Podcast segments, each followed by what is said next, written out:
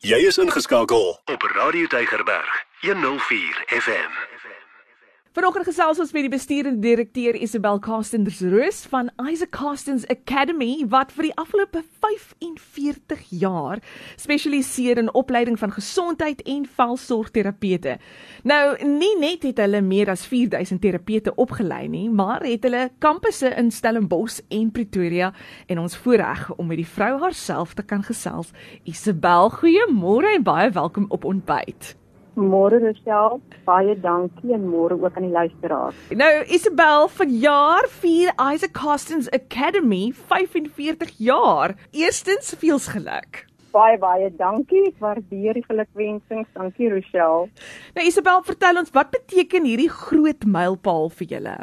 Ja, ek moet eers sê Rochelle, ek dink nie elke dag daaraan nie. Ek werk maar elke dag en ek doen wat op jou pad kom.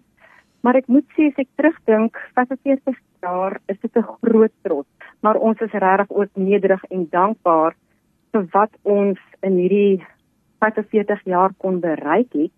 Jare van op en af en dit is nog nie altyd net maanskyn en rose nie. Ja, ja, ja. Daar is maar goeie tye en daar slegte tye. Maar weet jy ons is regtig waar oorweldig oor die sukses wat ons oor die 45 jaar ervaar het. 45 jaar gelede in 1978 het my ma besluit sy gaan haar eie opleidingsinstansie begin So. want sy het 'n salon gehad en sy kon nie goeie terapeute kry nie. Ja. Sy het 'n 1 jaar kursus begin. Die klaskamer was een klein klaskamer. Dit was die skool op daai stadium. Na 'n tydperk van 'n paar jaar het ons 'n 2 jaar kwalifikasie gehad en in daai jare was dit nog geakkrediteer die departement van mannekrag. En ek dink nie ons het besef daai tyd ons kursusse moet ook geakkrediteer wees nie. Mm. En natuurlik dinge het baie verander. Ons moet nou deur departement van hoër onderwys gaan, die raad van hoër onderwys gaan, ons kwalifikasies moet geakkrediteer en geregistreer wees. Ja. So ons is deur al daai stappe oor die jare en ja, dis met trots wat ek vandag kan terugkyk na twee kampusse, drie koshuise, een Wow. by Stellenbosch en twee by Pretoria. En van die nege studente wat sy in 1978 mee begin het, het ons vandag 550 studente tussen die twee kampusse. Wow. Dit is besonder. Ja, nee, dit groot dankbaarheid. Ek moet ja. net sê, as jy as vrou by enige salon inloop en jy vra vir die terapeut, waar het jy studeer? En hulle sê Isaac Castens, wil ek nou vir jou sê, dit gaan 'n goeie pamper session wees. Dankie. Nee, ons probeer daarna strewe. Dit dit was regtig die rede hoekom hierdie besigheid begin was. Ja. Is die is die kwaliteit van die terapeut. En ja, ons maak seker ook foute. Daar's altyd areas om te verbeter Mm. en dit is wat ons graag wil doen. Maar ja, dis tog maar ons fokus is om daardie employable therapist daar te stel. Isabel, in een van jou artikels het jy gesê om in die voetspore van 'n legende te loop, kan beide inspirerend en nederig wees en ons praat nou hier van jou ma. Hoekom sê jy dit? Weet jy, die tyd wat ek saam met haar kon werk, was regtig vir my ontsettend inspirerend want my ma het 'n passie vir hierdie industrie gehad. Ja. En ek dink dit het afgerol op my dat omdat dit 'n dit 'n groeiende industrie van daardie jare af kon ek haar passie sien en alles wat sy doen het sy gedoen om dit te doen vir die terapeut. Haar rede vir besigheid was om goeie terapeute op te lei en dit het nie na eerste fokus was nie geld gewees nie. Sy het geglo dat sy met die regte gesindheid moet werk. Jy moet jou integriteit behou, jy moet jou fokus behou en kwaliteit van werk wat vir haar altyd belangrik is. En ek moet sê sy het by tye vir haar werklik ingedoen finansiëel ten koste van haar besigheid en ook ten koste van haarself om die besigheid finansiëel te kon red en kom bystaan. Maar ja, dit was vir my lekker. Dit was vir inspirerend geweest dat jy hoef nie op geld te fokus om vir jou suksesvol te maak nie.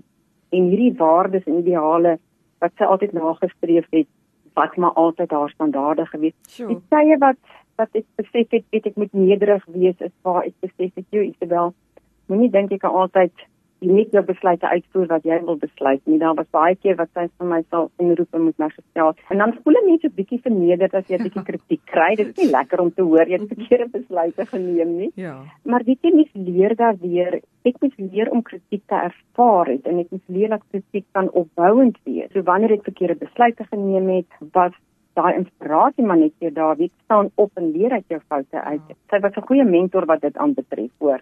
In langtermyn as ek nou terugdink, besef ek net jy dit is wonderlik geweest om haar as 'n mentor te kon kry. Nou om 'n so tipe besigheid nog steeds relevant te hou in vandag se tyd. Hoe doen jy dit? Ons leer elke dag self. Ehm um, snaaks genoeg ek en my man gesels vanoggend want hy saam met my in die besigheid nou al vir 27 jaar van die sukses is aan hom te danke. Praat se dag ons sê dit ons ons kan nie meer aangaan soos wat ons altyd dit gedoen het nie. Hmm. Omstandighede verander, behoeftes verander, die mark verander, ons industrie verander.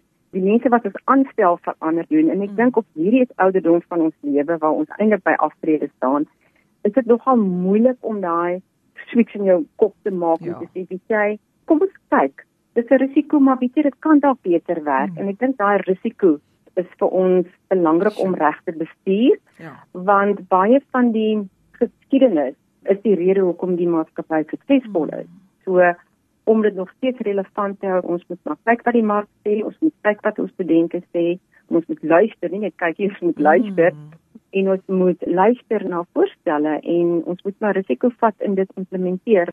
Moet maar aanpassings doen. Dit is baie belangrik.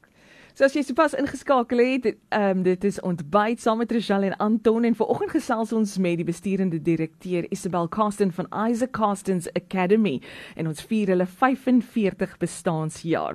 'n Laaste vraag, Isabel, wat het jy geleer oor die afgelope 36 jaar wat jy besturende direkteur was? Geduld. Ja, Rochelle, daar, ek dink dit groei saam met jou besigheid. Ek het regtig waar geleer dat 6 plus 3 kan vir jou 9 gee, hmm. maar 5 plus 4 gee vir jou ook 9. Hmm. So wat een is reg en wat een is verkeerd. Ek het ook geleer dat luister na wat ander mense sê want hulle sien dit met 'n ander perspektief en van 'n ander kant af en kom ons besluit saam wat is die regte besluit. Hmm. Solank dit die regte besluit is vir die maatskappy, dan sal ek dit altyd ondersteun. Ek het ook geleer, jy weet, om personeel aan te stel wat goed is op areas waar ek nie goed is nie. Hmm. Ek het geleer bly positief. Ek het hmm. ook geleer dat dat mense hou van jou as mens. Hoe eerbaar is jy? Hmm. Laaste wil ek sê, wees dankbaar. Bou jou geloof en glo aan jou droom. Watter advies het jy vir jong entrepreneurs? Wat graag besigheid wil aanpak of wat nou al vir 'n geruime tyd besig is. Wat wat se advies het jy? Jy moet regtig 'n droom hê. Jy moet 'n plan hê waar jy wil uitkom. As jy nie na iets kan mik nie, dan gaan jy verskillende afdraaipaadjies vat. Isabel, baie dankie vir die waardevolle boodskap wat jy vanoggend vir ons uh, deur middel van julle vieringe met ons kom deel het. Dankie Rochelle, dit ja, dit was wonderlik geweest, dankie. Wonderlik. Elke dag jou nommer 1 keuse. Radio Deugerberg 104 FM.